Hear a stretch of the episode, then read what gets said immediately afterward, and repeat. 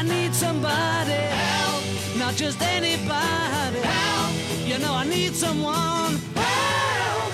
Vi skal snakke om kolesterol. Jeg vet ikke helt hva det er, men jeg vet at vi trenger det.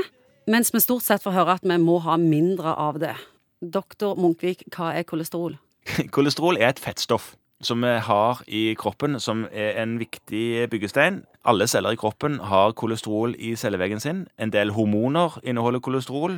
Du eh, hadde ikke vært kvinne uten, for det kjønnshormonene inneholder kolesterol. Og så snakker dere leger hele veien om godt og dårlig kolesterol. Ja, vi gjør det. Eh, Fins det to Eh, typer kolesterol?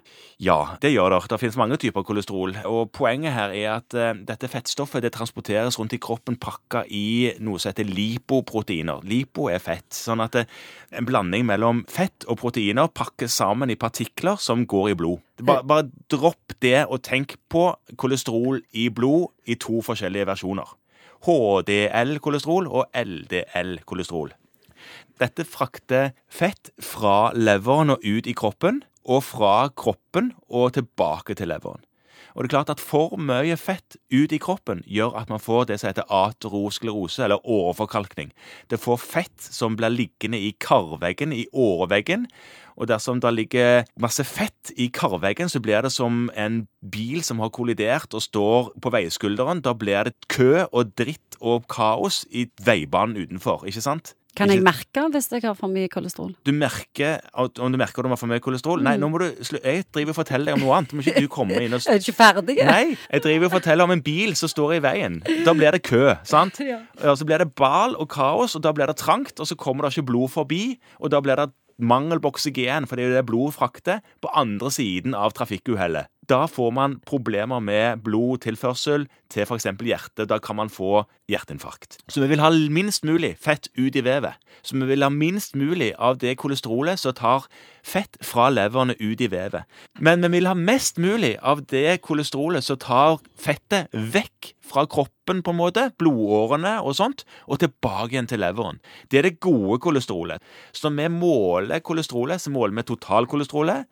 Vi måler det dårlige kolesterolet, som er LDL-kolesterolet, og vi måler det gode kolesterolet, som heter HDL-kolesterolet. Folk som går ut av et legekontor, de får som regel ett tall på kolesterolet. Det er totalkolesterolet.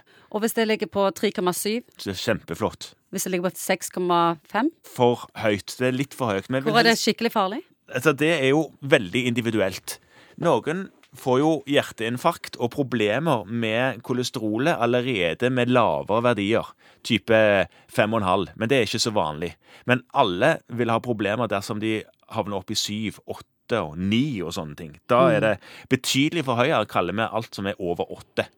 Målet vårt er å ha et kolesterol som i alle fall er på femtallet. 5,3, 5,4 5, ja. Er det sånn at vekt har noe å si? Vekt eller overvekt? Eller kan du være skamtynn og ha masse kolesterol? Ja, du kan være skamtynn og ha masse kolesterol, og du kan være veldig overvektig og ha normalt kolesterol. Men de som er overvektige, får etter hvert ofte et problem med diabetes, og da virker ikke insulin så godt. Og insulin er faktisk viktig både for sukker, som vi vet, men det er òg viktig for fett. Så det fins tynnfeite folk, altså?